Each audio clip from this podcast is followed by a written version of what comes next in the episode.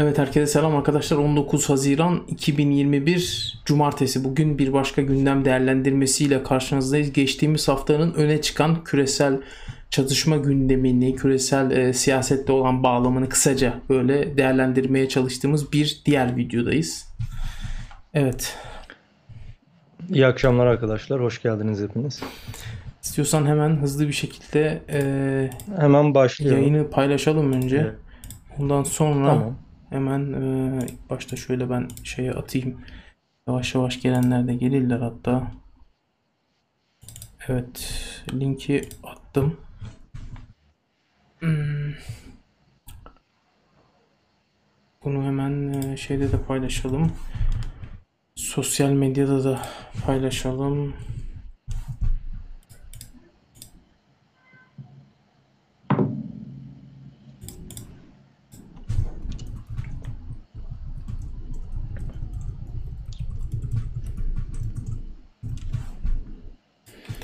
Evet, sosyal medyada da paylaştım. İstiyorsan aynen öyle hızlı bir şekilde başlayalım. Tamamdır. Afrika ile başlayalım her hafta olduğu gibi. Ee, ilk durağımız Afrika'da Cezayir. Biliyorsun Cezayir'de 12 Haziran'da seçimler oldu. Evet. Ee, geçtiğimiz hafta sonunda. Bu arada ses ve görüntü ee, arkadaşlar yazabilirseniz iyi olur. Sen devam et. Ne bir aksaklık varsa onlardan e, Cezayir'de Cezayir'de seçimler gerçekleşti. Bu seçimler 1990'lı ee, yıllardan beri askeriyenin çok ciddi rolü olduğu ülkede bir değişiklik umudunun e, yansıması olan seçimlerdi ama halk çok fazla teveccüh etmedi bu seçimlere. %30'a indi. Katılım, Katılım oranı oldukça düşük. Derecede. Düşüktü. Ee, seçimlerin sonrasında da ülkeyi 1960'lardan bu yana, Fransa'dan kazanılan bağımsızlıktan bu yana yöneten Ulusal Kurtuluş Cephesi meclisin yaklaşık %25'ini kazandı. Hı hı. E, bazı İslami partiler, bazı reformcu partiler de e, meclise girdi.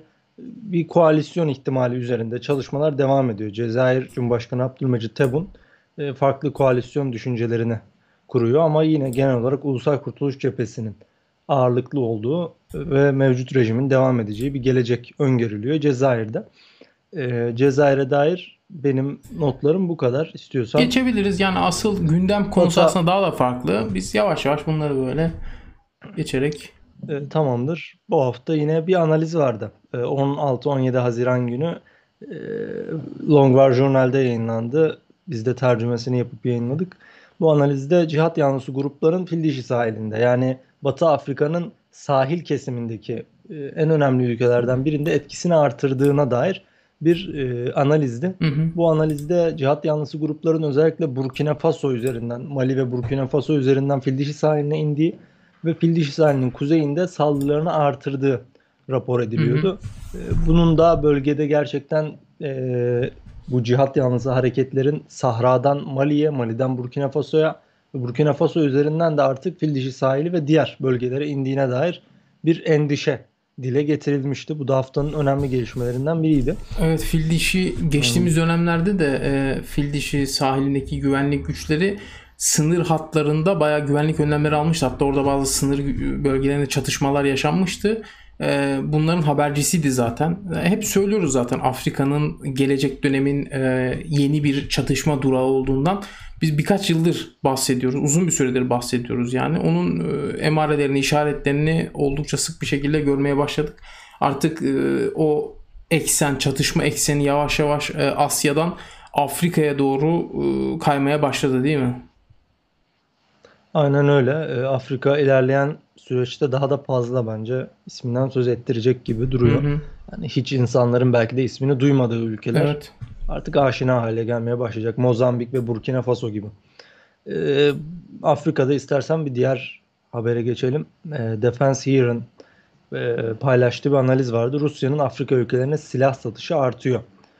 E, başlıklı bir haber. Bu da keza Rusya'nın e, hem Rusya'nın etkinliğini hem de Afrika'da artan çatışma ortamını gözler önüne seren bir haberdi. Senin de bildiğin üzere Rusya, Orta Afrika ve Libya başta olmak üzere Afrika genelinde ciddi bir atılım gerçekleştirmeye çalışıyor. Özellikle 2015-2016 yılından beri Orta Afrika'yı kendilerine e, merkez ediniyorlar. E, bu kapsamda dediğimiz gibi bu analizde de Rusya'nın silah satışını artırdığı, rekor düzeylere çıkardığı işleniyordu. Bir diğer gelişme Afrika'nın daha doğu bölgesinde. Birleşmiş Milletler geçtiğimiz hafta sonu dedi ki Eritre e, Tigray'da yüz binlerce sivili açlığa mahkum ediyor. E, bildiğin üzere geçtiğimiz yılın 2020'nin sonlarında Tigray'da patlak veren bir çatışma vardı. E, Etiyopya hükümeti... Ya Tigray'ın da neresi Ahmet, olduğunu hani söylersek şey olur. Tabii Etiyopya'nın kuzeyinde, Afrika'nın doğusundaki Etiyopya'nın kuzeyinde, Hı-hı. Eritre sınırında farklı bir etnik grubu barındıran bir bölge Tigray. Evet. Burada geçtiğimiz yılın sonundan beri çatışmalar devam ediyordu. E, Tigray'daki e, yapılar, Tigray'daki bağımsızlık yanlısı yapılar e, Etiyopya merkezi hükümetiyle çatışmalara girmişti. Burada Etiyopya merkezi hükümeti çok ciddi insan hakları ihlalleriyle suçlanıyordu. Bu insan hakları ihlallerine Eritre'nin de e, Tigray bölgesiyle e, anlaşmazlıklarından, düşmanlıklarından ötürü katıldığı ve bölgedeki yüz binlerce sivili açlığa mahkum ettiği belirtiliyordu. Açıkçası bu ifadeler sürekli gündemde bu aralar ama uluslararası toplumda çok net bir şey yapmaya istekli gibi görünmüyor. ee, istersen geçelim Batı Afrika'ya tekrar. Nijerya. Nijerya'da e, Boko Haram'ın lideri Ebu Bekir Şekan'ın öldüğüne dair iddialar uzun süredir dile getiriliyordu. Bu iddiaları doğrulama diyebileceğimiz e, açıkçası ilk resmi beyanat e, grubun liderlerinden evet. e, biri olan e, Bakura, Bakura Sahalaba'dan geldi. Bu e, özellikle Boko Haram'ın Çad Gölü bölgesindeki bir lideri, e, dini ve askeri bir lideri. Bunun e, ya, bu kişinin yaptığı açıklamada Ebu Bekir Şekan'ın ölümünü doğruladığı e, ve IŞİD'e karşı savaşa devam edileceği, IŞİD'in bölgedeki yapılanmasına karşı savaşın devam edeceği ifade edildi. Bu Bakura grubu, Bakura'nın grubu e, başlangıçta IŞİD'e katılmıştı ama daha sonra IŞİD'i e, ılımlı gördükleri iddiasıyla bu yapıdan ayrılmıştı. Bu bölgede de açıkçası Şekao bilmecesi bir süre devam edecek gibi duruyor. Ekleyeceğin bu, bu, bir şey var evet, mı? Bir, bir yoksa? parantez açacağım ufak bir parantez. Bu konu çünkü önemli. Biliyorsun e, o bölgede yani Nijerya'daki e, aslında bilmeyenler de olabilir aslında bunu bir açmak lazım. E, Nijerya'da bu Boko Haram dediğimiz yapıyla IŞİD aynı yapılar değil. Eskiden evet bir yapı içerisindelerdi ancak 2016 e, gibiydi. Yani birleştik birleşmelerinden çok kısa bir süre sonra IŞİD e, oradaki e, Ebu Bekir Şekav'ı azletti bir şekilde. Aralarında çünkü bazı ihtilaflar falan çıkmıştı. Ondan sonra Ebu Bakır Şekava orada kendisinin aslında işi olduğunu, İslam devleti dediği yapıya tırnak içerisinde kendisinin bağlı olduğunu iddia etti. Bu yönde propaganda videoları yaptı. E, son videoya kadar Ebu Bakır Şekava'nın grubunun yayınladığı videolarda hep böyle IŞİD'in kullandığı logoları falan görüyorduk sağ ve sol işte videonun etrafında falan. Videonun giriş kısmı yani kurgulanması falan hep IŞİD, IŞİD'in kurgusunun benzeriydi yani çok bir sahiplenmişlik vardı onu ifade etmeye çalışıyorum. Ancak e, Şeka'nın ölümü galiba doğru. böyle nasıl diyeyim eskiden iddia şeklindeydi ama bu son açıklamayla birlikte Şeka'nın öldüğü doğrulandı. Burada şimdi şöyle bir şey var. Ben o yüzden parantez açmak istedim. Bu yeni Şekao'dan kalan grup burada evet şu anda e, IŞİD'e karşı olan, IŞİD'de olan savaş çatışmalarını sürdüreceklerini ifade ettiler ki IŞİD'le aralarında gerçekten e, bayağı bir e, şeyle ar artık. Eskiden bu kadar değildi. Söz bir sataşma durumları vardı ancak son dönemlerde çatışmaya evrildi artık bu olay. Ve en sonda da Ebu Bekir Şekao'nun ki onun da IŞİD'le devam eden bir e, müzakere mi diyeyim artık ne diyeyim bir konuşma sırasında filan e, kendini o patlayıcı kemerin üzerindeki infilak ettirdiği iddiaları var. Ne kadar doğru bunlar bilmiyorum. E, o yüzden şu andaki olay işte bu Şekao'nun grubu acaba e, şeye katılacak mı? İşi de katılır mı? Ki ben ta şöyle tahmin ediyorum aradan geçişler muhakkak olmuştur. İşi de geçişler, kaymalar muhakkak olmuştur. Ancak e, orada Şekao e, ve grubu e, önemli bir kitleyi de peşinde sürüklüyordu. E, o yüzden bu nokta oldukça önemli. Yani burada IŞİD'in orada tek bir e, güç olarak yani o tekliği sağlaması durumunda bölgedeki gücü, gücünü e, daha da arttıracaktır. Yani IŞİD bu bakımdan e, Şekao'nun ölümü e, doğruysa eğer kesinse yani ki bu videoyu da ben izledim doğruluyorlar burada da oldukça önemli aslında bölge için yani Nijerya için. Aynen öyle. Ee, istiyorsan Afrika'nın doğusuna geçelim. Olur. Somali ve Kenya. Ee, ABD senin de bildiğin gibi bu yılın başlarında e, Somali'den tamamen çekilmişti. Hı hı. Ee, ancak şimdi Joe Biden yönetimi altında ABD'nin bu sefer Kenya'ya e, Şebab'a karşı savaşında destek olmak üzere ek asker göndereceği bildirildi. E, Kenya'da zaten ABD askerleri vardı biliyorsun ülkenin kuzeyinde. Özellikle e, El-Kaide'nin bölgedeki yapılanması olan Eşşebab'ın saldırısıyla gündeme gelmişti. ABD'nin buradaki varlığı işte Manda Bay'deki e, saldırıyla hı hı. 2020'nin başındaydı yanlış hatırlamıyorsam. Burada ABD'nin tekrar e, Kenya'ya asker konuşlandıracağı ve burada Kenya'ya Eşşebab'la savaşında yardım edeceği bildiriliyor. E, Eşşebab e, senin de bildiğin üzere Kenya'nın kuzey kesimlerinin özellikle Somali'deki e, nispeten Somali halkın, Müslüman halkın yaşadığı bölgelerin yaklaşık yarısını kontrol ediyordu. Bu Kenyalı bir valinin açıklamasıydı. Evet. E, ABD'nin bölgeye gelmesinin de savaşı belki biraz daha Kenya'ya doğru taşıyacağını düşündürüyor açıkçası. Evet ABD geçtiğimiz 17 e, Ocak tarihinde 2020 yılının 17 Ocak tarihinde e, Somali'den 2020'ydi değil mi? 2021'in başında. 2021'in başında evet. Onu da e, şeyde de haber içinde de hatalı yazılmıştı o yüzden dedim. 2021 diye hatırlıyorum ben de çünkü 2021'in e, başında e, bu sene yani içerisinde bulunduğumuz sene içerisinde karadaki güçlerini tamamen çekti ve uzun bir süredir orada hava saldırısı gerçekleştirmiyor. E, Şebap varlığı da zaten artan bir varlık var orada. E, ülkenin neredeyse yarısını kontrol ediyorlar ve Kenya içlerinde de varlar. Aslında Şebap'la Kenya'nın arasında çok özel bir sorun var. Yani sürekli olarak Şebap orada Kenya'ya, Etiyopya'ya, Afrika Birliği'ndeki e, ülkelere sürekli olarak Afganistan'dan çekilme pardon e, Somali'den çekilmeleri yönünde açıklamalar yapıyor. Yani Somali'den işte çekilmezseniz biz şey yapacağız saldırılara devam edeceğiz. Bizim topraklarımız diye bahsediyorlar. Çekilmezseniz biz sizi ülkelerinize vurmaya devam edeceğiz diye. Nitekim Kenya'da biliyorsun baya şebap baya e, böyle e, şey etkili diyebileceğimiz böyle dikkat çeken saldırılar gerçekleştirdi. Gerek askeri hedeflere olsun gerek askeri olmayan hedeflere olsun böyle ciddi saldırılar gerçekleştirdi ve bunun ardından e, işte oradaki güçlerini çekmesini çok eski yıllardır bu söylemi taşıyorlar. E, ve Kenya içlerinde de senin de bahsettiğin gibi Kenya'nın kuzeydoğusundaki bölgede de varlıkları var.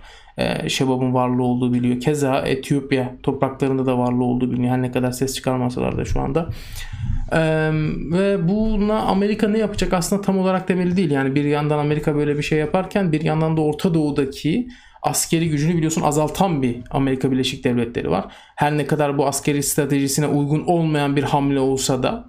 O yüzden Afrika'daki gelişmeler oldukça önemli. Yani Amerika'da tabii ki bunu bildiği için e, Afrika'da e, farklı hamlelere girişebilir. Evet Afganistan'dan çekiliyor. Orta Doğu'daki askeri varlığını azaltıyor ama Afrika'da ne yapacağı e, henüz henüz şekilleniyor yani.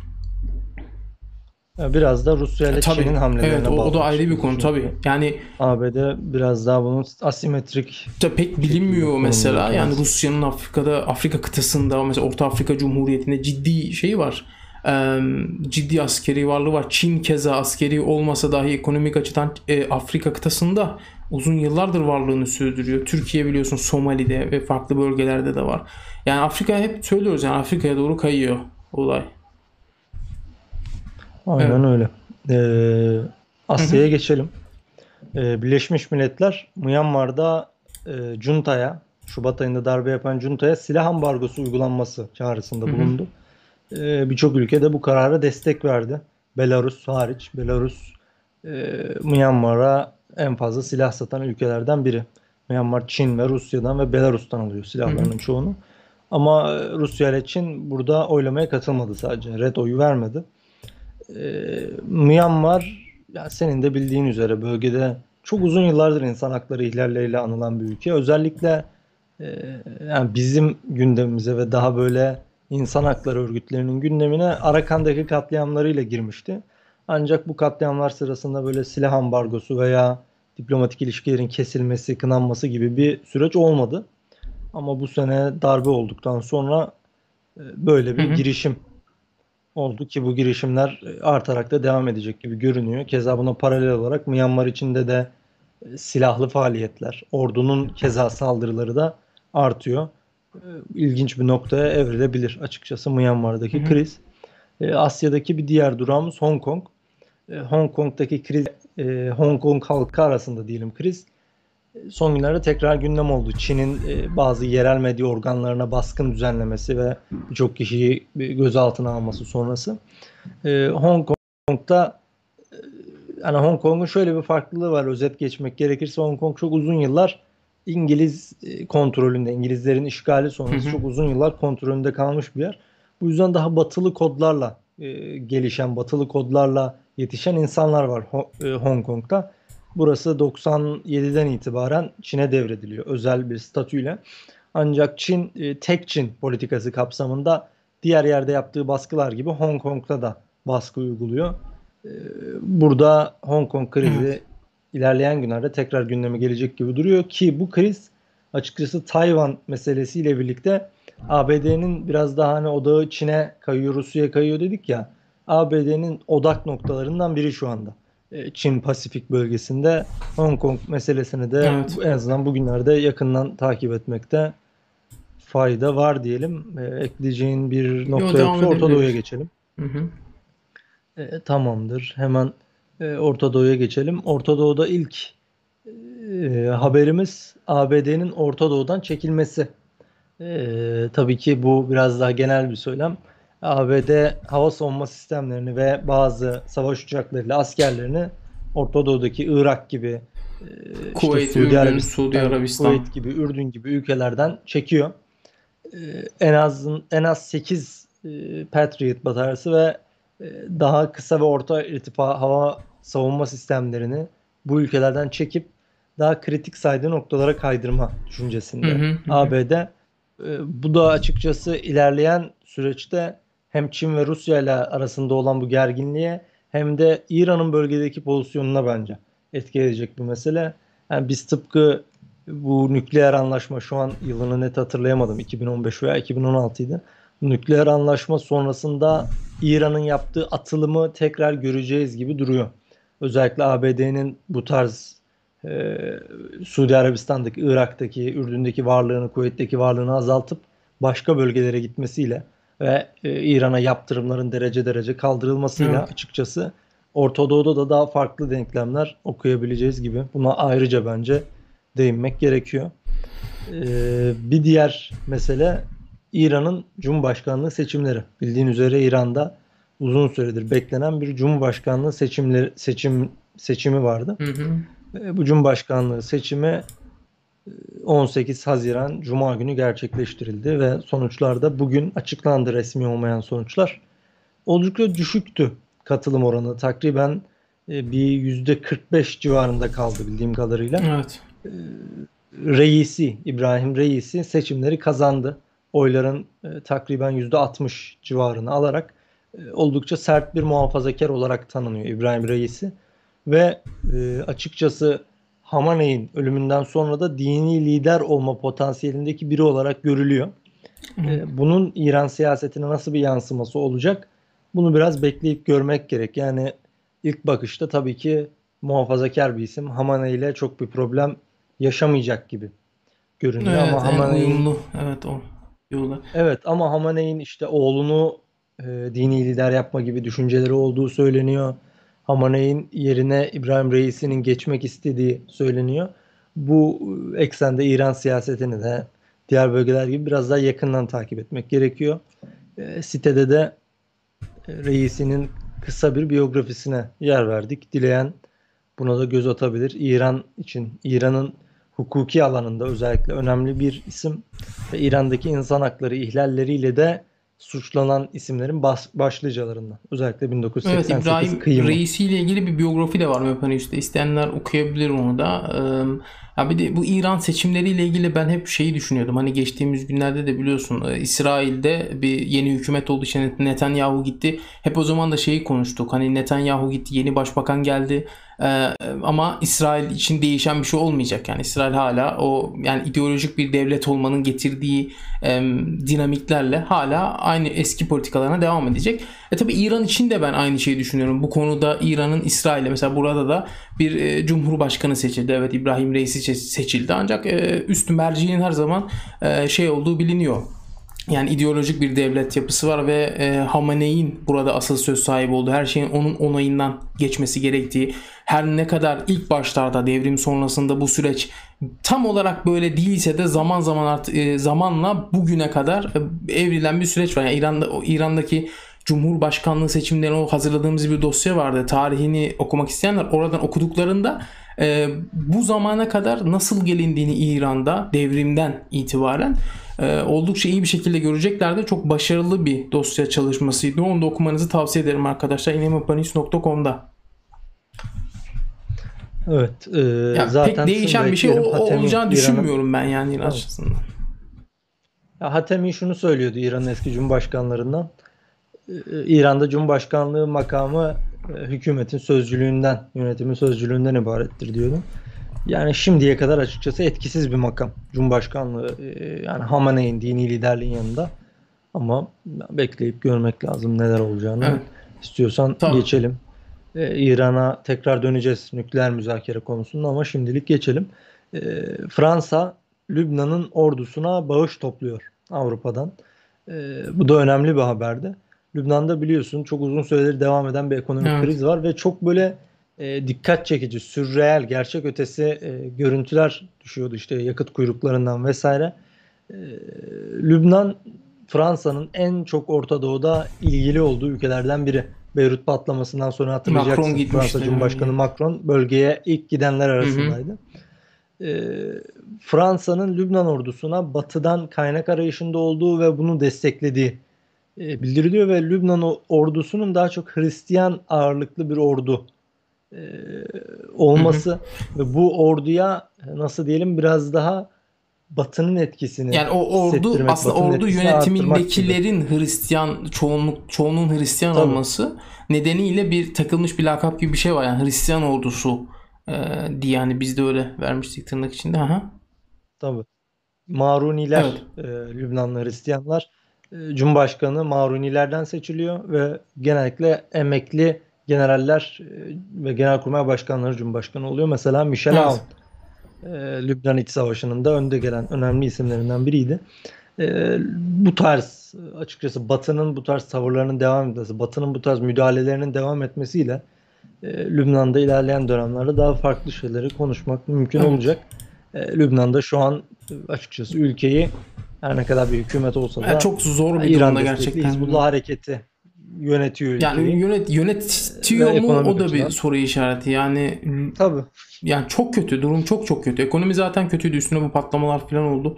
Ondan sonra daha da beter duruma geldi. Fransa gerçekten ciddi olarak tek başına bu yükün altından kalkamayacağını biliyor. Bu arada Fransa bunu e, hani e, Lübnan'ın hatırına yapmıyor tabii ki. O eskiden gelen o sömürgeci dinamiklerin tetiklemesiyle aslında bunu yapıyor Fransa. Bunu özellikle belirtmek lazım. Yani e, Lübnan üzerine senin de dediğin gibi etkili olmak istiyor. O da geçmişten olan bir takım e, bağlar diyeyim ve Avrupalı komşuna da şey diyor tamam yardım edelim ama gelin siz de elinizi taşın altına sokun. Ee, onu da yani ben tek başıma bu kadar e, şey yapamam kaldıramam ki geçmiş dönemde de e, Amerika Birleşik Devletleri'nde diğer Avrupalı ülkelerin de e, Lübnan ordusuna ben e, şeylerini okumuştum haberlerini sürekli olarak bir e, hibe yapma durumları var. İşte kullandıkları kendi envanterlerinden çıkardıkları askeri araçları, silahları, obüs, tank vesaire bu gibi şeyleri Lübnan ordusuna hibe ediyorlardı. Bu hibe programı halen daha devam ediyor bildiğim kadarıyla. O yüzden e, böyle bir haber de vardı evet. Devam edebiliriz.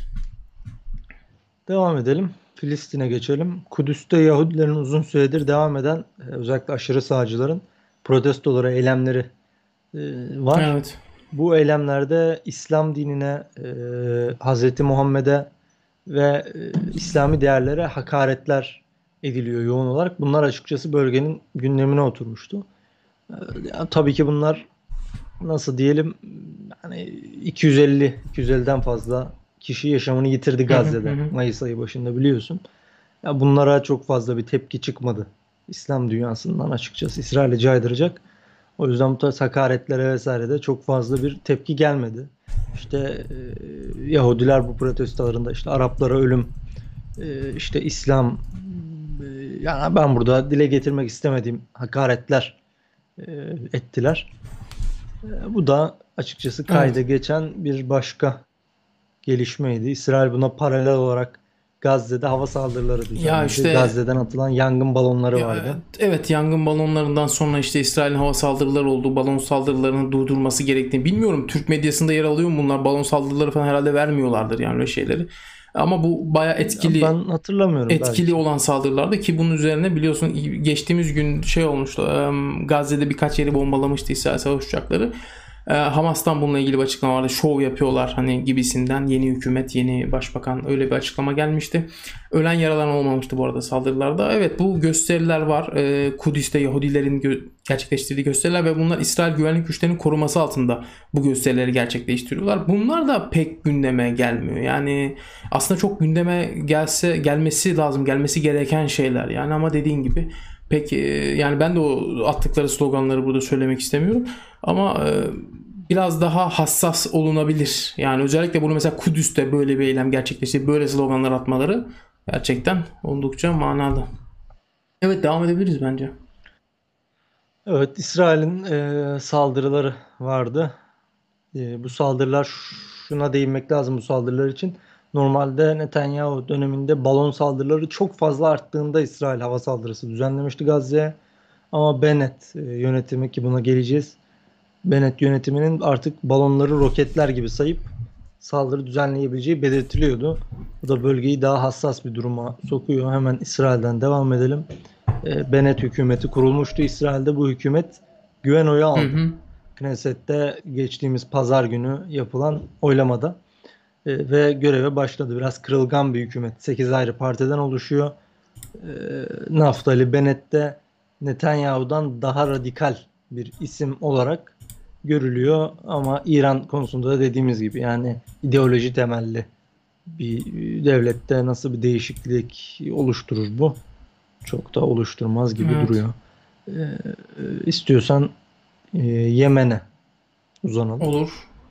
Ee, Yemen'de Hamas'ın e, Yemen temsilcisi Muaz Ebu Şemale Evet. İran destekli Husileri ziyaret etti. Onları e, tebrik etti. Bu ziyaret ve bu tebrik yani İran e, Hamas'ın son dönemde özellikle İran'a dair artan e, olumlu tutumu, İran'la artan ilişkileri paralelinde okundu. E, ve e, özellikle bazı Araplar, Suudi Arabistan'dakiler de buna tepki gösterdi. Yani e, işte şöyle bir söylem geliştiler. Biz Filistin'i ziyaret edip Siyonistlere plaket versek ne hissederdiniz gibisinden. E, yani Husilerin işte İran destekli olduğu Yemen'de darbe yapıp yönetimi ele geçirildiği, geçirdiği gibi suçlamalar yöneltildi.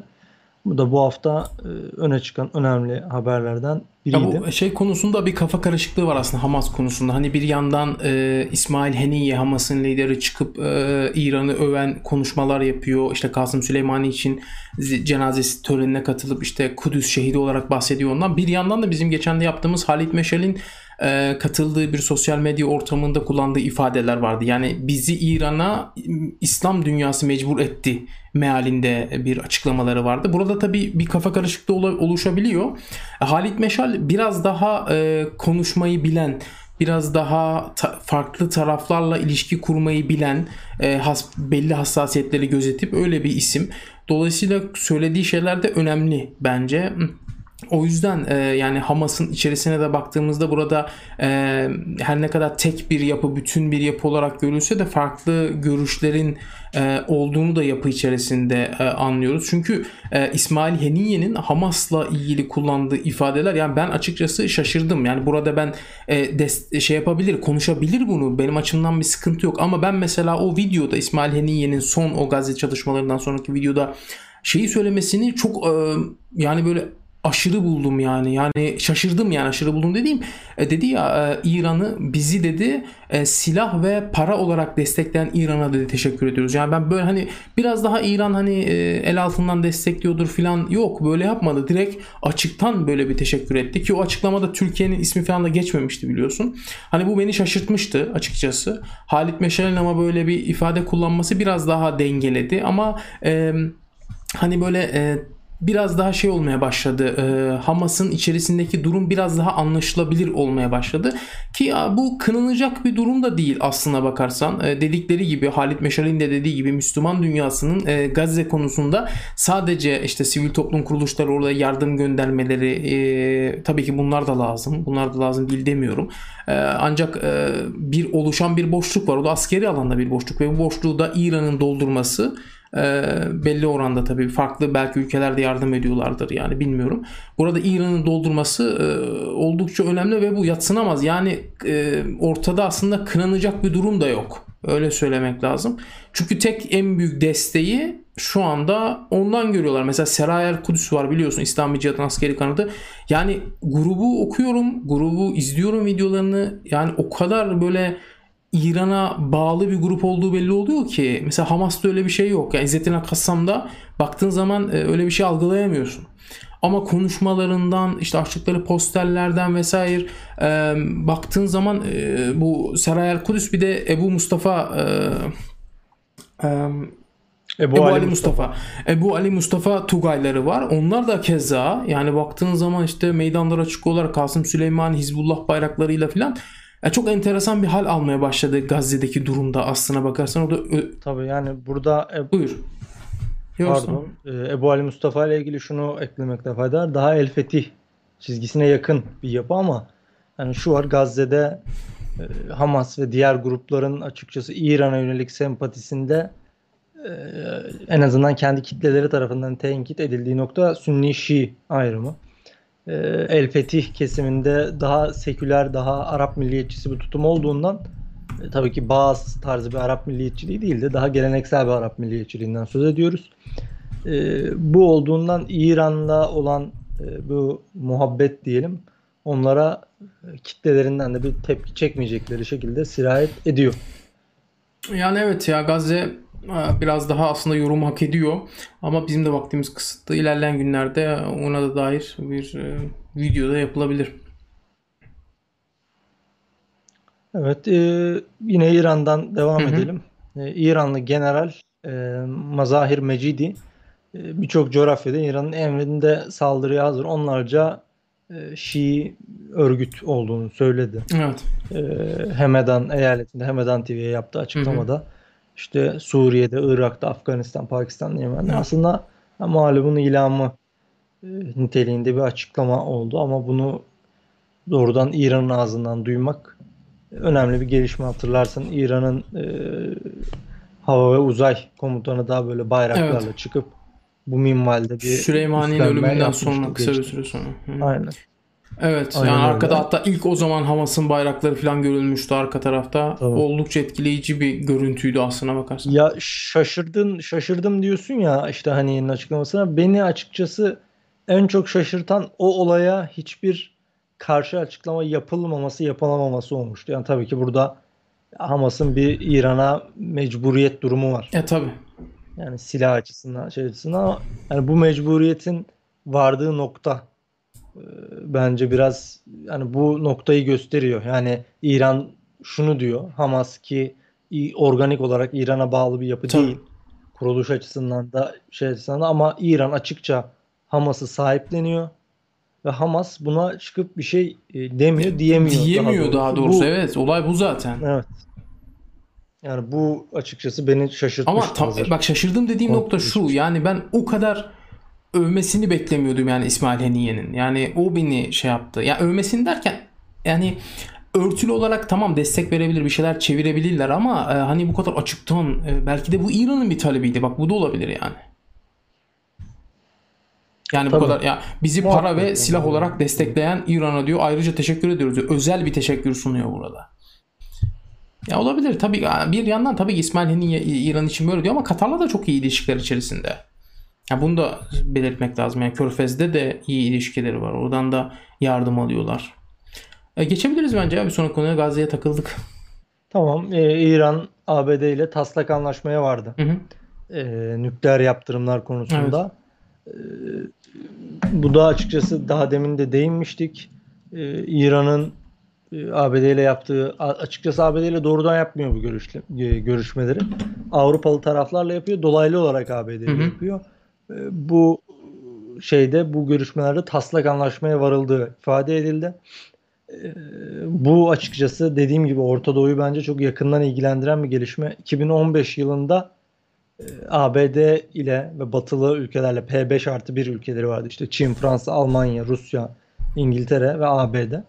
Avrupa Birliği de bu görüşmelerin tarafıydı. Bunlar bir nükleer anlaşmaya varmıştı. Bu nükleer anlaşma sonrası e, İran'a yaptırımlar hafifletilmiş, kaldırılmaya başlanmış ve İran biraz daha rahat hareket etme imkanı bulmuştu. Hı hı hı. E, açıkçası şimdi yeni bir anlaşmaya varılması da bu ihtimali tekrar benim gözümde canlandırıyor. Yani İran evet. biraz daha açık hareket edebilecek özellikle Irak gibi işte Suriye gibi Afganistan gibi özellikle e, bölgelerde daha açık hareket edebilecek gibi evet. duruyor. E, ekleyeceğim bir şey yoksa Yok, geçelim. Ben bir, bir birkaç yorum gelmiş. Onu o yorum özelinde bir konu açmak gerekiyor. Ya İran'la İran'la evet. özel bir derdimiz olduğundan değil. Yani özel bir dert tabii ki yok yani ama e, şunu belirtmek lazım arkadaşlar. Burada bir e, vakadan bahsediyoruz. Bir durum değerlendirmesi yapıyoruz. Yani İran'la e, İran'a özel bir teşekkür tabii ki edecek. Yani en büyük desteği İran'dan almış. Yani Türkiye'den sadece battaniye göndermişler. Tabii ki İran'a teşekkür edecek.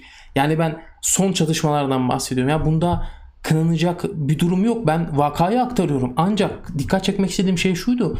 Bu kadar özel bir teşekkür beklemiyordum. Yani bunu söyledim ben. Yani burada e, ben anlıyorum gerçekten e, bu takipçiler yani Türkiye'deki medyayı takip edenler e, bu yorumları duymaya alışkın değiller. Yani e, çok farklı bu Afganistan konusunda da bunu yaşıyoruz. Yani vakayı aktardığın zaman onu bir propaganda olarak anlıyorlar. Çünkü öyle haberler görmemişler. Öyle haberler yok. Yani e, sen olan vakayı aktarıyorsun. En hafif şekliyle aktarmaya çalışıyorsun. Bunu işte yok propaganda yok başka bir şey bununla eşleştiriyorlar. Yani böyle bir şey yok. Ya Türkiye bu yap yapılan şey şu anda bu yapılan iş e, geleneksel medyacılığın dışında bir şey. Yani bu şekilde olayların yorumlandığı siz başka bir program biliyor musunuz? Yani bu ee, ben bu konuda mütevazi olmuyorum. Mütevazi değilim yani bu konuda. Yani bulabiliyorsanız böyle bu kadar açık değerlendirilebilen e, onları da takip etmenizi tavsiye ederim. Ancak Türkiye'deki medya düzeni belli arkadaşlar. Yani hani bu da bir gerçek. O yüzden burada söylediğimiz şeyleri e, yani bir tarafa çekmenin bir anlamı yok.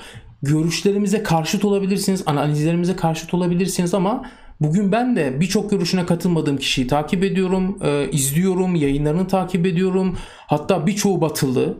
Ee, ama ondan alacağım bir şey varsa onu almaya çalışıyorum. Bilgi almaya çalışıyorum ondan. Yani olay bu kadar basit yani bu kadar e, e, partizan olmaya gerek yok yani bazı konularda.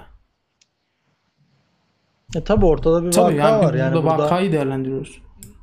Ya şu biraz yani İran konusuna ben şunu da şey yapayım lafı geçmişken ee, burada medya dediğimiz ya ana akım tabii, medya. Tabii.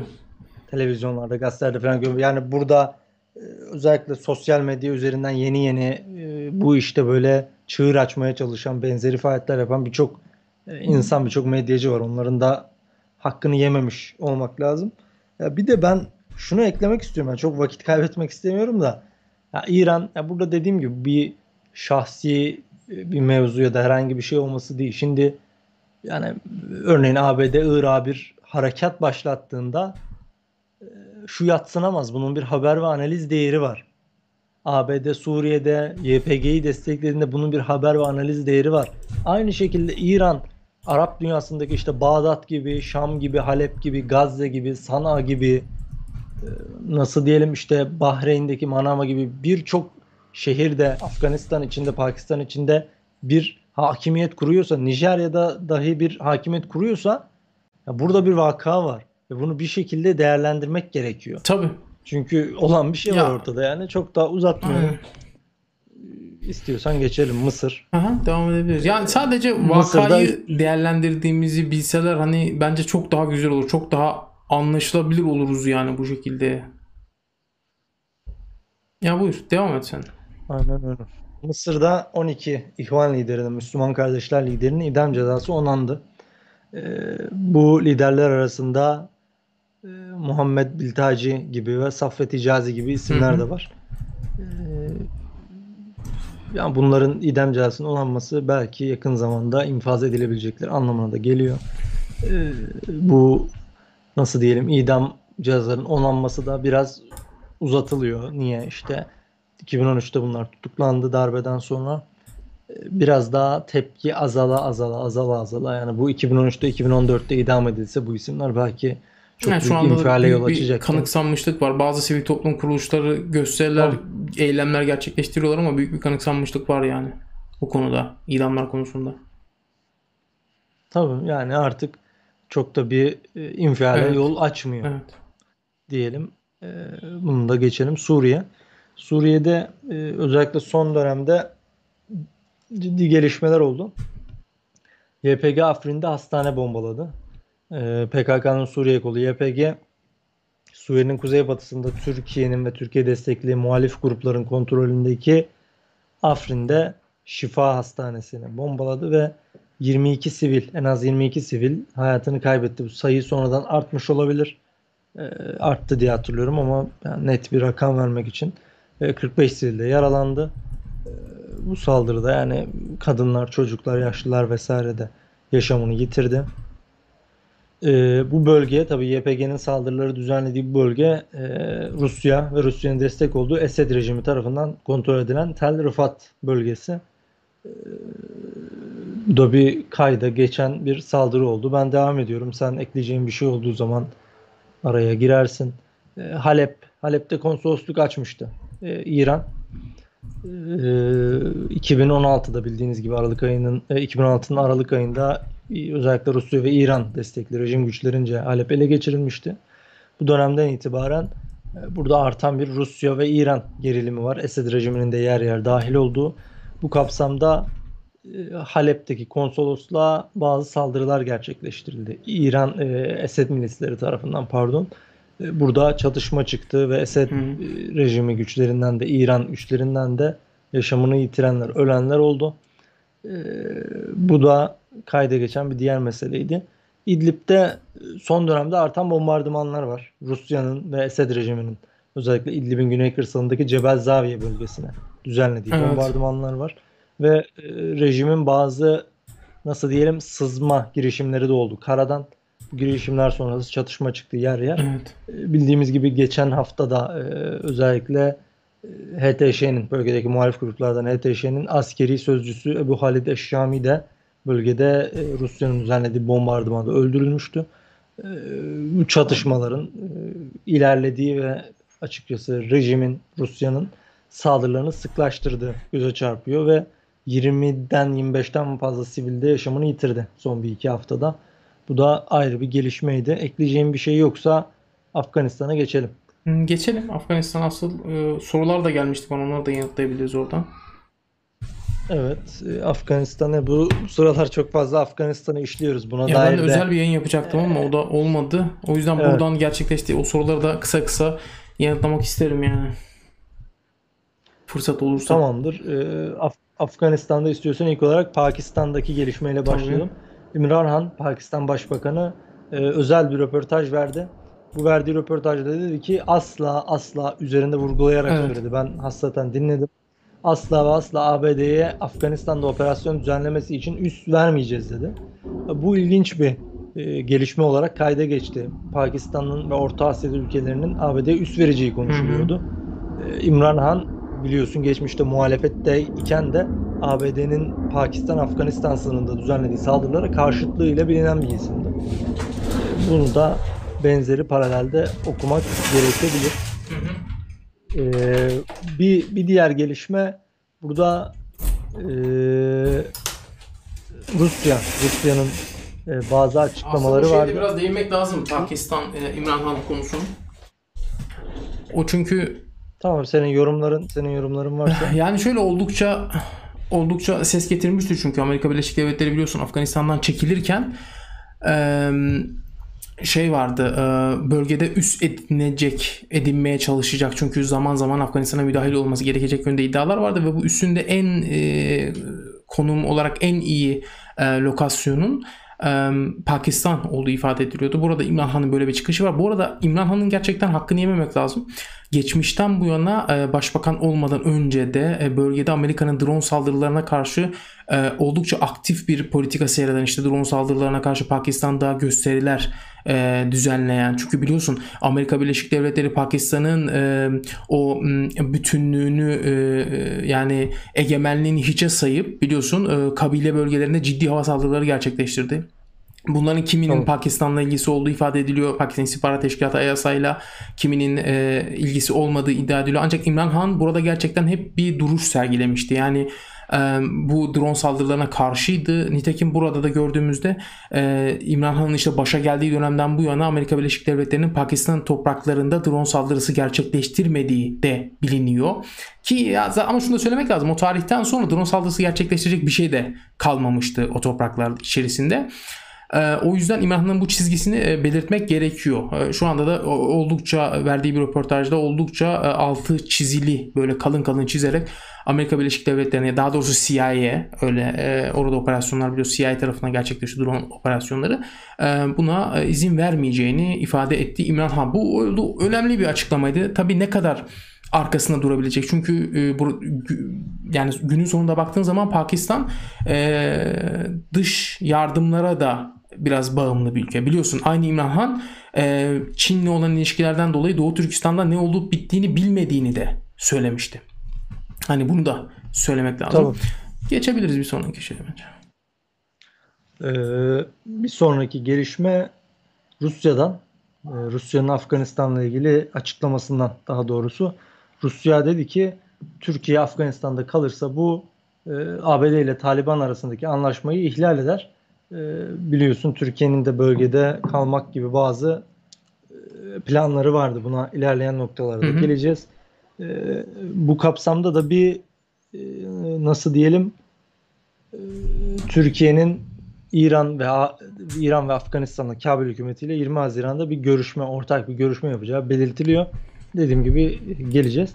E, ABD çekilme sürecinde son durumu e, da aktarmış olalım. ABD yarısından fazlasını çekilmenin tamamladığını söyledi. Evet. Ee, tabii Eylül ayına kadar zaman var ama bazı ABD'li kaynaklar 4 Temmuz'da çekilme sürecinin tamamen son bulacağını e, ifade ediyor. Açıkçası e, hep şunu işliyorduk. E, ABD 1 Mayıs'ta çekileceğim diyordu başta ama sahada böyle bir hareketlilik yoktu. Yani Nisan ayı geldi, Nisan ayının ortası geldi, Mayıs ayı geldi hiçbir çekilme yoktu. Ama şu an ABD gerçekten çekileceğini yansıtır şekilde e, davranıyor ve açıkçası birçok asker aracını vesaire ülkeden evet. geri çekmiş Hı-hı. durumda. E, istiyorsan Türkiye'nin olası varlığına ilişkin gelişmelere geçelim. Evet. Dediğimiz gibi 20 Haziran'da Antalya Diplomasi Forumu kapsamında e, bir görüşme gerçekleştirecek Türkiye, Kabil hükümeti ve İran Dışişleri Bakanları. E, burada barış süreci ve e, bölgede ne olacağı açıkçası biraz taraflar arasında müzakere edilecek. Türkiye'nin bölgede kalmaya dair planlarını da taraflarla paylaşması bekleniyor. Tabi bu kapsamda e, Cumhurbaşkanı Recep Tayyip Erdoğan ve ABD Başkanı Joe Biden'ın e, bir görüşmesi vardı. Bu görüşme evet. e, ve sonrasında e, Erdoğan ya şöyle özetleyecek işte. olursak e, Tabii, kısa bir şekilde ama, biliyorsun şöyle öncelikle şunu söylemek lazım. Amerika Birleşik Devletleri ile Taliban arasında bir anlaşma imzalandı Şubat 2020'de ve bu anlaşmanın en önemli maddesi neydi? Hep söylüyorum bunu zaten. Ee, en önemli maddesi Amerika Birleşik Devletleri açısından Afganistan'ın hiçbir yabancı örgüte e, üst olarak kullandırılmaması. Taliban açısından da en önemli anlaşmanın maddesi de Amerika Birleşik Devletleri ve müttefiklerinin NATO kastediliyor burada. Tamamen Afganistan'ı terk etmesiydi. Ancak burada şöyle bir şey oldu. Türkiye yeni bir misyon üstlendi ve dedi ki ben dedi Kabil'deki Hamit Karzai Uluslararası Havalimanı'nın güvenliğini sağlayabilirim. Hamit Karzai Uluslararası Havalimanı'nın güvenliğinin sağlanması ülkede diplomasinin yürümesi için çok önemli. O yüzden Türkiye ben böyle bir misyon üstlenebilirim dedi. Ancak şöyle bir durum var ortada. Türkiye'nin bu üstlendiği misyon, bu, bugün bunu Rusya e, Putin'in Afganistan özel temsilcisi de söyledi. Gerçekten Rusya e, nadiren doğru söyler yani. Rusya'nın doğru söylediği bir şeydi e, şey oldu. Eee şey dedi e, bu anlaşmayı ihlal eder dedi Taliban'la Amerika Birleşik Devletleri arasındaki anlaşma ve hakikaten de öyle. Yani anlaşmanın öyle bir maddesi var e, yabancı güçlerin Afganistan'a tamamen çekilmesi konusunda. Burada Cumhurbaşkanı Erdoğan da şey demişti Taliban'la görüşebiliriz. Taliban'ın varlığını yok sayamayız demişti Afganistan'da. Böyle bir durumda Taliban'ın tabii verdiği yanıt işte basın ofisinin yanıtladığı sorular vardı. Burada verdiği yanıtları biz de biliyoruz. Yani Amerika Birleşik Devletleri ve diğer güçlerin ülkeden çıkmasını söylüyorlar her seferinde.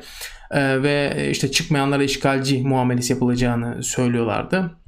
Bu şekilde Türkiye'nin e, bir şeyi var ve Biden'la yapılan görüşmede de e, Türkiye'nin işte Hamit Karzai Uluslararası Havalimanı'nın e, güvenliğini sağlayacağı bu konuda anlaşıldığı yani kaba taslak olarak anlaşıldı, taslakta anlaşıldı ve detayların görüşüleceği e, ifade ediliyor. Ancak böyle bir şey olursa e, tabii sonuçları ne olur? Bunun da ayrıca değerlendirilmesi lazım. E, yani burada kimse Türkiye'nin e, Afganistan'da Taliban'a karşı karşıya gelmesini istemiyor. Şu zamana kadar gelmemişlerdi.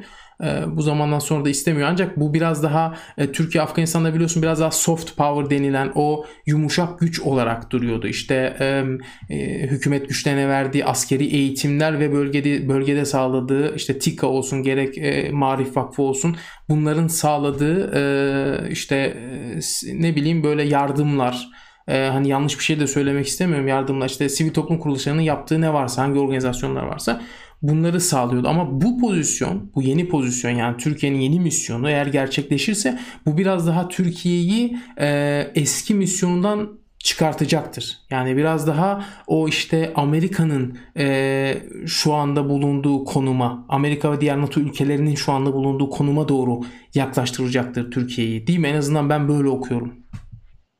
Tabii. Yani burada şunu da e, bence belirtmekte fayda var. Burada herkes şu e, sahikle hareket ediyor. E, Afganistan'da bir güç boşluğu oluşacak ve bu güç boşluğunu ben e, kendi ulusal çıkarlarım paralelinde nasıl değerlendirebilirim?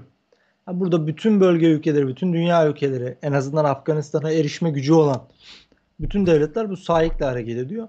E, ya bence bu sahikle hareket eden devletlerin şunu görmesi lazım. Afganistan'da e, bölge halkıyla en azından uzlaşmayan hiçbir e, dış yapı bir şey elde edememiş. Bence burada Afganistan'da e, lojistik açıdan, siyasi açıdan, yatırımlar açısından, yeraltı kaynaklar açısından vesaire değerlendirilebilecek çok ciddi alan var.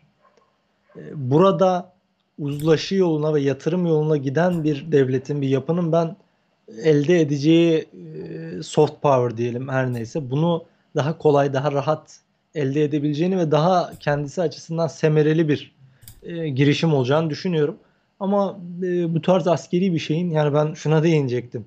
E, ABD'nin Afganistan özel temsilcisi biliyorsunuz Zalmay Halilzad e, bir röportaj verdi El Cezire'ye. Şunu dedi benim çok dikkatimi çekti. Ne olursa olsun dedi. Yani Afganistan'dan biz çekileceğiz ve hiçbir sebeple iptal edilmeyecek bu çekilme dedi. Evet. Yani burada biz şunu görüyoruz. ABD çok kararlı bir şekilde Afganistan'dan çekilmek istiyor. Yani bu da şunu gösteriyor. Askeri açıdan e, ABD ve yanında da NATO ile birlikte ABD o askeri imkanlarına rağmen e, Afganistan'da herhangi bir şey elde etmeyi başaramadı. Ya bu bence e, geleceğe dair yani çok fazla konuşulabilir ama hani e, hani Arife tarif gerekmez derler ya bu hani söylenip geçilebilecek bir şey diye ben düşünüyorum. E, ekleyeceğin bir şey yoksa e, bu arada şunu da e, belirtelim. Afgan arası görüşmeler de Katar'da tekrar başladı hafta ortasında. E, bunu da ekleyelim. Evet. E, ekleyeceğim bir şey yoksa sahadaki gelişmelere tabii, geçelim. Tabii, Masadan sahaya geçelim. E, ilk gelişme ben biraz daha hafif gelişmelerden başlayıp evet. daha ağır ve yoğun gelişmeler Biraz daha hızlı gidersek iyi olur NATO, ama bence. Tabii NATO Katar'da Kabil hükümeti güçlerini eğitmeyi planlıyor. E, diye bir hı hı. haber bildirildi. Bu uzun süreli bir eğitim mi olacak yoksa birkaç aylık e, formalite mi olacak? Bunu ilerleyen zamanlarda göreceğiz.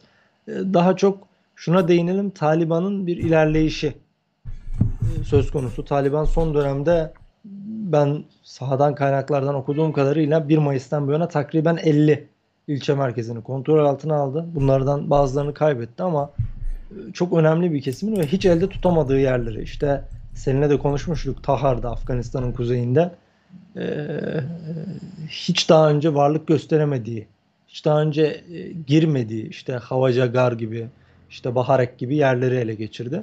Ve ilerlemeye devam ediyor açıkçası ve burada çok yoğun bir çözülme var. İstiyorsan bu çözülmeden sen ya, bahset. Sen daha yakından takip evet, et. Evet, takip ediyoruz. Burada o kadar çok gelişme var ki Afganistan konusunda gerçekten ben bu kadar e, fazla gelişme olmasını beklemiyordum. Daha doğrusu bu süreç içerisinde beklemiyordum. Kimse beklemiyordu bir, açıkçası. Hiç kimse bu kadar ya biraz daha böyle ilerleyen aylarda falan hani diyordum böyle çözülmeler yaşanabilir. Ee, ama böyle olmadı. Özellikle kuzeyde e, ciddi e, çözülme diyebileceğimiz Kuzey İttifakı'nın bel kemiğini oluşturan e, vilayetlerde e, gerek e, hükümet güçleri gerekse Raşit Dostum'a bağlı milis güçler e, ciddi e, teslim olmalar yaşandı. E, bu teslim olmaların çok az bir kısmını gerçekten haberleştirdik. E, çünkü o kadar çok oldu ki mesela sayı binlerle ifade ediliyordu bir ara. Ancak tabii ki bunların da tamamının görüntüleri yok. Yani Taliban evet bunların teslim olduğunu iddia ediyor. Bunların görüntülerini yayınlıyor. Bazı görüntüler var. Evet yüzlerce asker var. E, yüzlerce e, hükümete bağlı milisler var. E, ancak tamamının görüntüleri yok. Yani bunu da söylemek lazım. Ama ele geçirdikleri ilçe merkezlerinden filan bu çıkarıma varabiliyorsun zaten. Bu kadar askerin yani nasıl olur da bu kadar askerin olduğu yerlerde Taliban böyle ilerleme sağlayabilir bunların e, çıkarımını e, yapıyorsun. E, dediğim gibi yani çok bir anda oldu böyle. E, hatta bazı e, böyle mesaj atıyorlar arkadaşlar işte Kabil'in düşmesinden falan bahsediyorlar ama bilmiyorum yani e, bu tabii çok daha ileride konuşulacak bir şey. Ama e, özellikle bir motivasyon eksikliği var Kabil hükümeti güçlerinde. E, Kabil hükümetine bağlı askerler ve milis güçlerde. Yani burada nasıl diyeyim işte Amerika'nın çıkıyor olması zaten başlı başına bir motivasyon kırılmasına yol açtı. Gerek hükümette e, gerekse hükümet güçlerinde, askerlerde, polislerde, mahalli polislerde, milis güçlerde yani bütün silahlı kuvvetlerde bir moral eksikliğine yol açtı ve bu da bu çözülmeyi hızlandırdı. Ancak dediğim gibi ben bu kadar hızlı olmasını beklemiyordum. Çünkü çok önemli yerleri ele geçirdiler. Bunda... Yani mesela e, Hilment'te e, Grishk e, ilçesi var. Yani buraya e, Taliban 2001'den itibaren yani Amerikan işgalinden sonraki dönemden itibaren hiç girmediği bir ilçe ve buraya girdi. Buranın işte pazar meydanından filan görüntüler yayınladılar. Ancak şöyle de bir parantez açmak lazım. Bu ilçe merkezlerinin tamamı sürekli olarak Taliban kontrolünde kalıyor diye bir şey yok. Yani e, buradaki ilçe merkezleri belli dönemler bir dönem aralığında Taliban'da kalıyor. Kimisi çok daha uzun süre kalıyor. Kimisi hiç Taliban'dan düşmüyor. Ancak bir kısmı da Kabil hükümeti güçlerinin düzenlediği operasyonlarla ABD'nin hava desteğiyle Taliban'dan geri alınıyor bunların. Hani bunu da özellikle belirtmek lazım. Tabii. E, ben şuna burada değinmek istiyorum. Yani niye kuzeyde bu kadar fazla diye. E, burada şöyle bir mesele var. Afganistan'ın kuzeyinde Kabil hükümetinin e, askeri varlığı daha çok milis. Evet. E, işte Cemiyeti İslami olsun, Raşit Dostum'un güçleri olsun daha çok milis ağırlıklı. Güneyinde ise daha çok e, düzenli ordu ağırlıklı. Burada düzenli ordunun e, hem sahip olduğu askeri üsler ve koruması bakımından hem de disiplin açısından milislerden daha iyi oldu. Tabi bazı güçler de var. Göze çarpıyor. Bedgis vilayetindeki gibi mesela onlar biz e, kenti savunacağız diye birlik oldular falan böyle şeyler de var tabii ki. Böyle dinamikler de var. Ancak tabii e, büyük bir saldırı dalgasının da Taliban tarafından ilçe merkezlerine yönelik başlatıldığını gerçekten e, ifade etmek lazım. Dediğim gibi bu haberleri takip ediyoruz ancak e, doğruluğu konusunda tam doğrulayamadıklarımızı aktarmıyoruz ama haber akışı sürekli olarak bir haber akışı var yani Afganistan'dan sürekli bir haber akışı var. İşte doğrulayabildiğimizin de hepsini yapıyoruz Aynen. çünkü tamamen artık Afganistan'la ilgilenmek gerekiyor. Bu hem hmm, okuyucu aynen. açısından yani, bizim yani açımızdan da bıktırıcı bir şey oluyor. Çok da üzerine düşen de yok. Herhalde Türk medyasında bir Kabil falan düşmediği sürece bu konuda veyahut da e, Türkiye ta Afganistan'daki bu yeni misyonunu ilerletmediği sürece bu haberlerin e, Türk medyasında yer alacağını pek zannetmiyorum yani. Ya bir de şöyle bir şey de var. Yani eee e, nasıl diyeyim insanlar şeyi de e, takip etmedikleri için olan gelişmeleri de e, şey yapamıyorlar. E, yani medya daha doğrusu doğru düzgün bilgilendirmediği için halkı e, bir gelişme olduğu zaman e, kabul edemiyorlar. Yani olan bir vaka var mesela bir görüntüyü aktarıyorsun ama o şey yapılmıyor. Yani böyle kabul edilmiyor. Yok olamaz. Yani yani nasıl olamaz? Yani e, Türkiye'de gerçekten medya biraz daha geleneğin dışı yani geleneğin dışında demeyeyim de e, yani alışılagelmişin dışında. Yani öyle söyleyeyim. Yani iki kişinin sokakta yürürken e, çarpışması çok büyük bir haber değeri taşırken e, Afganistan'da mesela vilayetlerin düşmesi, Taliban'ın eline geçmesi falan çok büyük bir önem göstermiyor. Yani öyle bir şey de var. Yani bir arz talep meselesi aslında bakarsan. Yani o yüzden e, mesela bir aslında ciddi bir talep de var artık son zamanlarda ama bin, arz yani, yani bu da önemli. Yani mesela bir haber yazıyorsun. Yani o ha- haber olanı aktarıyorsun. Yani e, yani çok değişik yorumlar geliyor gerçekten. Adam işte yok propaganda olduğunu söylüyor falan. Yani e, ki dediğim gibi onda biri yani o sadece. Yani e, hepsi haberleri yazsak hepsini dediğin gibi bütün günümüz şeye gider yani Afganistan'a gider. Ama biraz da bilgi sahibi olmadıklarından ben böyle şeyleri yazdıklarını düşünüyorum. Yani tutup da ya bir de ben ha. ben açıkçası şöyle bir artık serzeniş mi olarak alırsın ne alırsın bilmiyorum. Şöyle bir şey oluyor. Şimdi bu yani hep sosyal medyadaki e, insanlar veya uzmanlar tırnak içinde her neyse e, bu tarz haberleri Batılılardan gördükleri zaman okuyorlar, beğeniyorlar, paylaşıyorlar. Evet. İşte o kişileri takip ediyorlar, övüyorlar vesaire. Ee, ama Türkçe konuşan biri yaptığı zaman bunu onu ha, bir şeylerle itham ediyorlar. Ve daha sonra yine aynı kişiler şunu yapıyor. Diyor ki işte bizim ülkemizde niye şurası takip edilmiyor? Bizim ülkemizde niye buraya dair haberler yok? Şimdi olduğu zaman o Türkçe konuştuğu için işte e, Türk gibi göründüğü için, Türk gibi yaşadığı için e, yani bu Türk derken buranın insanı olduğu için sen onu e, bir yerlere Tabii. yamamaya, itham etmeye ve çekip ya düşürmeye Batılı'la, çalışıyorsun. Sonra da şikayet ediyorsun. Niye Batılı yok diye. benim e, mesela aktardığım haberin 20 katını, 30 katını aktarıyorlar. Yani eğer e, ya Tabii şimdi canım. şöyle mi olmak lazım o zaman yani Müslüman coğrafyasından haber aktarıp e, propaganda yapmıyor olmak için e, Hristiyan mı olmak gerekiyor? Yani gayrimüslim mi olmak gerekiyor?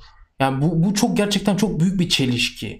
Yani ben bu yorumları yazan kişilere ben şey yapmıyorum. Kızmıyorum da yani. Ben bölgeyi bilmediklerini düşünüyorum. Sana da bir e, yani onlara bir, bir misal vermiştim yani bir, bir vilayet ismi söylesen onun e, ne olduğunu bilmezler yani. Bu bu konuda ben gerçekten mütevazi durmak istemiyorum. Çünkü mütevazi durduğun zaman daha çok üstüne geliyorlar böyle. Yani çok saçma sapan yorumlar da alıyorum ve bu saçma sapan yorumlar dediğim kişiler halk e, yani böyle e, avamdan değiller yani.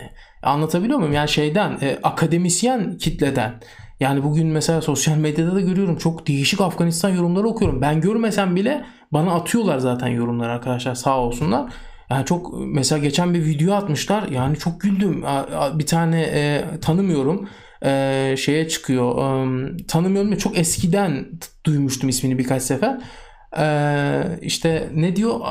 Taliban Amerika'ya neden ülkeden çık demedi hiç falan mı diyor? Yani ya nasıl Talibansın nasıl, sen? Yani biz Jüpiter'de falan mı yaşıyormuş yani bu adam bilmiyorum. Yani e, şey şeye şaşırdım. Bu adamlar 20 yıldır onlarla savaşıyorlar yani. Kimle savaştığını zannediyor? Yani Singapur'la falan mı savaşıyormuş Afganistan'da? Gerçekten çok şaşırtıyorlar beni böyle konularda.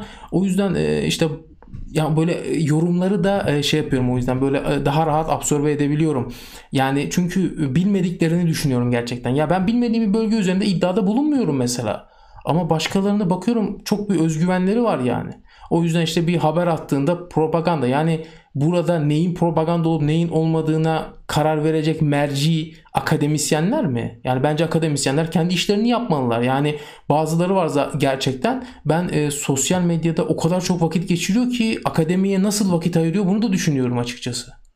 Yani biraz daha kendi bölgesine yoğunlaşabilir insanlar. Neyse yani bunlar ayrı bir konu. Ee, başka ne var? Nerede kalmıştık Afganistan'la ilgili? Ee, Afganistan'da en son işte e, hükümet güçlerinin teslim olması, Kabil hükümeti güçlerinin. Evet, evet. Ee, interaktif harita. İstiyorsan bu haritayı da ekrana verebilirsin. Hı hı. Ee, haritada çok üzerinde durulan bir nokta vardı. Ben de bu noktaya dair bir ekleme yapmış olayım. Ee, istiyorsan yakınlaşabilirsin bir il merkezine. Ee, burada hep diyorlardı işte tamamen yeşil gözüküyor bu hükümet merkezi de Taliban'la mı diye. Burada biz il merkezini Afganistan 34 il merkezini de ekledik. Burada e, yuvarlak içerisinde e, hükümetin e, nasıl diyelim bayrağı var. E, bunlar da e, ilerleyen süreçte artık Taliban ele geçirirse veya hükümet alırsa sürekli olarak ya bunu, ya, e, bu bu harita var. üzerinden bile şey yapmışlardı hatırlarsan e, e, dezenformasyon, dezenformasyon yaptığımızı söylemişlerdi. Yani ya ben zaten her zaman söylüyorum yani e, burada Afganistan'ın arkadaşlar 34 tane vilayeti var. Bu vilayetlerin hiçbirisi Taliban kontrolünde değil. Yani bunu tekrar söylüyorum. Vilayet Ancak merkezleri. vilayet merkezleri. Ee, vilayetin merkezi. Ee, burada da bunu artık iyice belletmek için yani bu şekilde bayraklar konuldu. Yani 34 il merkezinden hiçbirisi e, vilayetin merkezi Taliban kontrolünde değil şu an için. Taliban ilçelere yoğunlaşmış durumda. E, bunu da e, şey yapalım e, söylemiş olalım bu vesileyle. Ya istiyorsan ben bana gelen sorulara kısa kısa yanıtlar vermek Tamam istiyorum zaten arkadaşlara. benim ekleyeceğim başka bir gündem maddesi yok. Ha bitirdik mi diyorsun? Ha doğru tamam. Evet. Ya ben e, kısa kısa e, şey yapacağım. Böyle cevaplar. Bazı hesaplar da bana soru attılar. Soru atmalarından sonra banlanmışlar. Yani askıya alınmış hesapları Twitter bi- biliyorsun gelenek olarak bunu şey yapıyor. Tabii. Ee, çok uzun sorulara artık özel bir videoda değinirim arkadaşlar. Ben kısa kısa geçiyorum. Çünkü çok fazla da e, soru gelmiş. Mesela en e, bir tane soru var. Özellikle de e, o onu üste koymuşum. Son o mesaj atmış çünkü. E, Afganistan'da uyuşturucu üretimi. E, şimdi bu konu çok net arkadaşlar. Bu konuda Birleşmiş Milletler'in verileri var. Birleşmiş Milletler çok iyi veri tutar, analiz yapar. Analiz yapar yani. Ee, Burada şunu söylemek lazım. Amerika Birleşik Devletleri'nin işgal ettiği sürece kadar e, Afganistan'da uyuşturucu üretimi yok denilecek seviyedeydi. Ancak sonradan Amerika'nın işgaliyle birlikte bu rekor seviyeye ulaştı. Bununla ilgili grafikler var. Sitede ulaşabilirsiniz bunlara. Ee, Taliban'ın uyuşturucu üretiminden bahsediyorlar. Ee, arkadaşlar Taliban'ın uyuşturucu üretimi yaptığına dair bir veri yok. Yani Taliban uyuşturucu yapıyor da olabilir bilmiyorum yani. Ama burada e, şöyle bir şey var. Taliban'ın kontrolü altındaki bölgelerde e, gayri resmi olarak yani onların izni dışında üretildiği bilinen uyuşturucular var. Yani bir de buradan da hani e, biz nasıl diyeyim böyle farklı gruptakiler e, Taliban'a hani biraz daha böyle laf sokmak için mi diyeyim işte çakmak için hani diyorlar ya işte onların uyuşturucu üretimi falan ya bunlar artık çok basit konular. Yani bunlara bunların her bir şeyin verisi var yani bir her bir vilayet vilayet ne kadar uyuşturucu üretildiğinin verileri var yani. O yüzden bu uyuşturucu konusu artık modası geçmiş bir soru yani. Onu ilk başta e, bu soruyu sorarak aradan e, çıkartmış olayım. Hemen bir başka arkadaşımın sorusu demiş ki e, Kuzey İttifakı hakkında ne düşünüyorsunuz? Başarılı olur mu? Son çırpınış mı? Bu da e, tam olarak net verebileceğimiz bir e, soru değil, cevap değil aslında. Bilmiyorum sen ne diyorsun Kuzey İttifakı ile ilgili başarılı olur mu diye. Onların da kendi içlerinde birleşmeler var, bölünmeler var. Ya burada Afganistan konusunda ben şunu eklemek istiyorum. Burada herkesin her an her şeyi yapabileceği bir zemin var. 90'lardaki iç savaşı takip ederseniz mesela işte Hikmet Yar, Rabbani, Şah Mesud, işte Dostum, Abdurrahman bir sürü isim var. Ve e, mesela Afganistan'ın kuzeyinin düşme sürecine baktığınız zaman Abdurrahit Dostum ve yanındaki diğer adamların arasındaki ihtilaflar sebebiyle düşüyor. Şimdi Evet. burada bakıyoruz. Üç isim bir araya geliyor. İttifak edeceğiz diyorlar. Hı hı. İşte Atta Muhammed Nur, Abdurraşit Dostum bir de Muhammed Muhakkik. Şimdi bunların üçü de birbiriyle aslında kanlı bıçaklı olan insanlar. İşte Atta Muhammed Nur'la Raşit Dostum arasındaki gerilimi bölgeyi takip edenler bilir geçmişten beri. Şimdi bunlar bir ittifak kuruyor ama ne olacağı burada hakikaten belli değil ve daha çok dış yardıma kalmış. Çünkü bunlar zaten bir şey yapabiliyor olsalardı Taliban'a karşı ABD desteğinin olduğu zamanlarda yaparlardı. O yüzden ben ya çok bir şey çıkacağını sanmıyorum. Ancak şu olur bir güç olup Taliban'a karşı veya herhangi birine karşı masaya daha kuvvetli oturacak bir pazarlık kozu oluşturabilirler o kadar diye düşünüyorum. Ama bekleyip görmek lazım. Çok iddialı da konuşmuyorum. Ya birisi de mesela şey yazmış yani Afganistan'ı ve Taliban'ı ne olduğunu filan ne bunlar artık çok rahat bulunabilen bilgiler arkadaşlar. Bunu Google'da aratırsanız eee, şey yapabilirsiniz. Çok daha detaylı bilgilere ulaşabilirsiniz. Çok fazla soru var aslında. Ben baktım bir saati de geçmişiz. Aslında ben bunları e, diyorum hafta içi özel bir yayın yapayım. Hani ben e, kendim oradan da bunları yayınlayabilirim. E, bir de ben Tabii. FETÖ ilişkisinden falan bahsediyor. Öyle T'yi alıp yani Türkiye gündemindeki bazı haberleri T'yi alıp mesaj atmıştım iltisaklı olduğu şeyle. Bunun hiç ciddi olarak algılanacağını düşünmemiştim. Onunla ilgili sorular gelmiş. O bir mizah diyen arkadaşlar onlar. Onu hani öyle şeyler gelmiş ilişkisine boyutta falan diye FETÖ'yle öyle ciddi ciddi soranlar olmuş yani. Başka ben alttan da bir bakalım yorumlara da bakalım. İstiyorsan daha uzun olacak soruları yayına ayırıp daha güncel Aynen gündeme dair soruları. Yani e, nasıl uyuşturucu trafiği yapabilir e, demişler.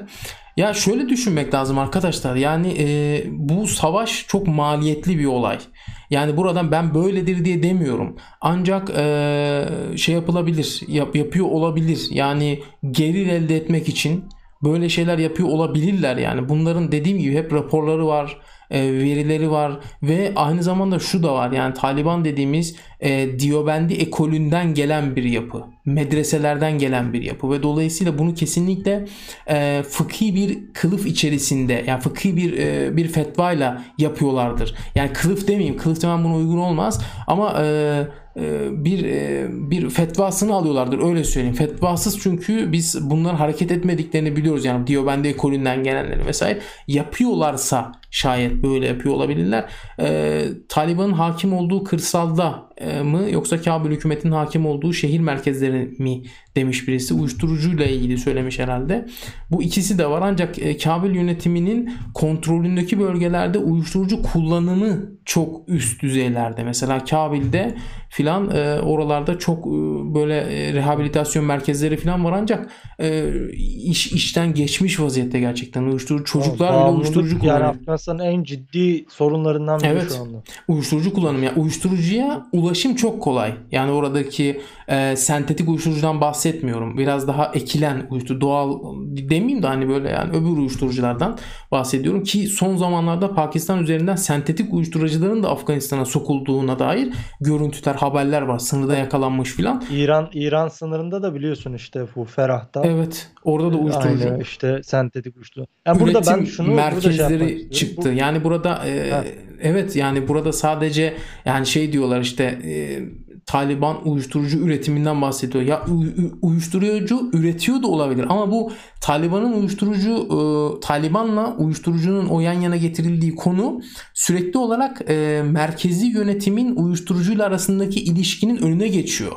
Yani burada baktığında mesela dediğin gibi Ferah'ta, Nimbuz'da, İran sınırındaki diğer bölgelerde uyuşturucu üretilen hükümetin bölgesinde uyuşturucu üretilen fabrikalar ortaya çıktı. Sentetik uyuşturucudan bahsediyoruz. Haptan bahsediyorum yani burada. Ee, yani o yüzden biraz da tamam onu da araştıralım ama öbür tarafa da biraz bakalım. Yani şu anda Afganistan'daki uyuşturucu üretimi rekor seviyede. Yani hatta 2019 yanlış hatırlamıyorsam tam rakamlara bakmak lazım. Mesela 2019'da tam tavan yapmıştı. Yani o pik noktasına ulaşmıştı gerçekten. Ee, başka senin eklemek istediğin bir şey var mı? Yani bu uyuşturucu mevzuyla ilgili şunu söyleyebilirim e, en azından kısmen Afganistan çok geniş ve kimin ne neyi ne yaptığını bilmediği bir coğrafya. Ya burada her türlü işin olması mümkün. Öyle söyleyeyim. Yani bir sürü dağlar, vadiler vesaire olan bir yer. O yüzden böyle e, yani mevzuları biraz da geniş planda okumak açıkçası bu, daha makul olur. Evet yani Çünkü her şeyin olabildiği bir yer yani. Evet bu sorular şey ya yani takılmak da istemiyorum. Çünkü dediğim gibi ya bu rakamlar veriler her şey ortada bu konuyla ilgili. Mesela birisi şey demiş güzel bir soru. Bütün bu coğrafyadaki verileri nasıl temin e, edebiliyorsunuz? Ajansların haber kaynakları ajansınızın haber kaynağı bu kadar geniş mi? E, yerel kaynakları takip ediyoruz arkadaşlar. Güvendiğimiz yerel kaynaklar var. Onları takip ediyoruz. Ancak e, yani inanın bunlar e, çok kolay olmuyor e, öyle söyleyeyim. E, bir de e, şöyle bir şey var yani nasıl diyeyim bu işleri yani bu ajansları takip etme işleri gerçekten böyle bir şeyin bir büyük bir haber ajansındaki belki de tek bir kişinin yapabileceği bir şey. Yani maliyet bakımından biraz eşleştirme yapmaya çalıştım ama yani bunu yapmak için e, çok büyük imkanlara sahip olmanız gerekmiyor. Sadece misyonunuzun ne olduğu burada çok önemli. Yani e, evet biz yapıyoruz bazı haberleri. Buna diğer ajanslar, büyük haber ajansları ulaşamıyor mu? Tabii ki ulaşabiliyorlar. Daha iyisine ulaşabiliyorlar. Ancak onlar haberleri servis etme konusunda e, bir e, yani farklı süreçlerden geçiyorlar. Bizim gibi e, biraz daha rahat hareket edemiyorlar. Yani bir haberin e, politizasyon süreci mi diyeyim ne diyeyim ona. Yani e, eğer ki haber Türkiye gündemine e, şey yapmıyorsa yaramıyorsa yani şey olmuyor yani gündeme olmuyor veya da haber bir türlü bir şekilde politize olduktan sonra dolaşıma girebiliyor. O yüzden e, bu haber kaynakları konusu böyle. Yani aslında ulaşabilirler, ulaşıyorlardır da. E, ülkenin çok büyük haber ajansları var. E, ancak e, yayınlama konusunda dediğim gibi bir e, belli bir e, filtreleri var. Ona göre yayınlıyorlar yani. Bir de şu var, e, genellikle e, haberi nasıl diyelim birine okutmak için yani bir tık almak için. Hı hı. E, gündemdeki meselelere dair işte gündemde X bir bölge varsa o X bölgede iki insanı birbiriyle çarpmasını bile haber yapabilecek bir potansiyel var bazı medya şeylerinde.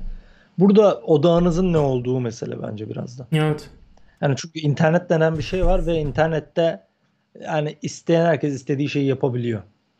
Öyle söyleyelim. Ya bütün dünyaya erişiminiz var. Tabii birçok insan işte bunu işte video paylaşayım, işte birine laf atayım, şunu yapayım, bunu yapayım gibisinden kullanıyor olabilir ama Ha, bu sizin de öyle kullanmanız gerektiği anlamına gelmiyor yani. Evet. Bu işler hep internet üzerinden oluyor. Birisi mesela güzel bir şey söylemiş. Afganistan'ın eski e, Hamit Karzai'nin, Cumhurbaşkanı Hamit Karzai'nin kardeşi Muhammed Veli Kar, Velid Karzai, Velid Karzai e, ülkenin en büyük baronlarından da evet güzel bir bilgi bu. E, Hamid Karzai'nin e, kardeşi o da yanlış hatırlamıyorsam Taliban tarafından öldürülmüştü. E, yani evet Afganistan'ın en büyük baronlarından birisiydi. Uyuşturucu kaçakçılığıyla meşhurdu zaten. Hamid Karzai'nin e, kar, üvey kardeşi ama kendisi. Ee, şöyle bir durum var arkadaşlar. Zaten Afganistan'daki en büyük olay bu. Yani şu anki oradaki meşru sayılan yönetim, Kabil yönetimi çok ciddi yolsuzluklarla anılan bir hükümet. Ancak bunları siz söylediğiniz zaman yani şey oluyorsunuz e, propaganda veya yapmış olursunuz. Yani onların karşı tarafında kim varsa artık onun propagandasını yapmış olursunuz. Ancak bu çok bariz bir şey. Yani siz Afgan medyasını takip ettiğinizde gerçekten şey diyorsunuz ya bu kadar ifade özgürlüğü başka hangi ülkede var? diyorsunuz bir yandan da. Yani Afganistan medyasında bile bu hükümeti o mevcut hükümetin yani Kabil yönetiminin yolsuzluklarını böyle açıkça ifade edebilen gazeteciler var gerçekten. Bu kadar para geliyor size siz ya, bunu ne yapıyorsunuz diye. Afganistan'da Afganistan'da şöyle bir durum var açıkçası. Bence çok siyasi sistemin özeti Afganistan'daki. Çok Afganistan'a vakit ayırdık ama hı hı. E, dünyanın başka bölgelerinde işte Latin Amerika'da mesela bir insan ülkenin başına gelir sonra baron olur. Sonra yolsuzlaşır vesaire. Hı hı. Afganistan'da bu kişiler zaten baron olduğu için veya işte e, bir çete lideri olduğu için e, hükümete dahil oluyor. Afganistan'daki mevcut Kabil hükümeti bu şekilde kuruldu zaten. Evet. Savaş ağalarının, işte ABD'de yetişmiş e, bazı bürokratların, diplomatların, uyuşturucu baronlarının vesaire bir araya gelip ABD ve Batı öncülüğünde işte Bonn konferansı gibi konferanslarla bir araya getirilmesi sonucu kuruldu zaten Hı-hı. Kabil hükümeti. O yüzden yani çok normal böyle şeylerin olması Afganistan. Doğru. İstiyorsan artık bence bitirelim arkadaşlar e, izlediğiniz için. Fazla uzadı. Evet. Hepinize teşekkür ediyorum. 1 saat 17 dakikaya geçmişiz. Bir başka yayında bir başka değerlendirmede gene görüşürüz. Hepinize iyi akşamlar diliyorum. İyi akşamlar arkadaşlar. Hoşçakalın.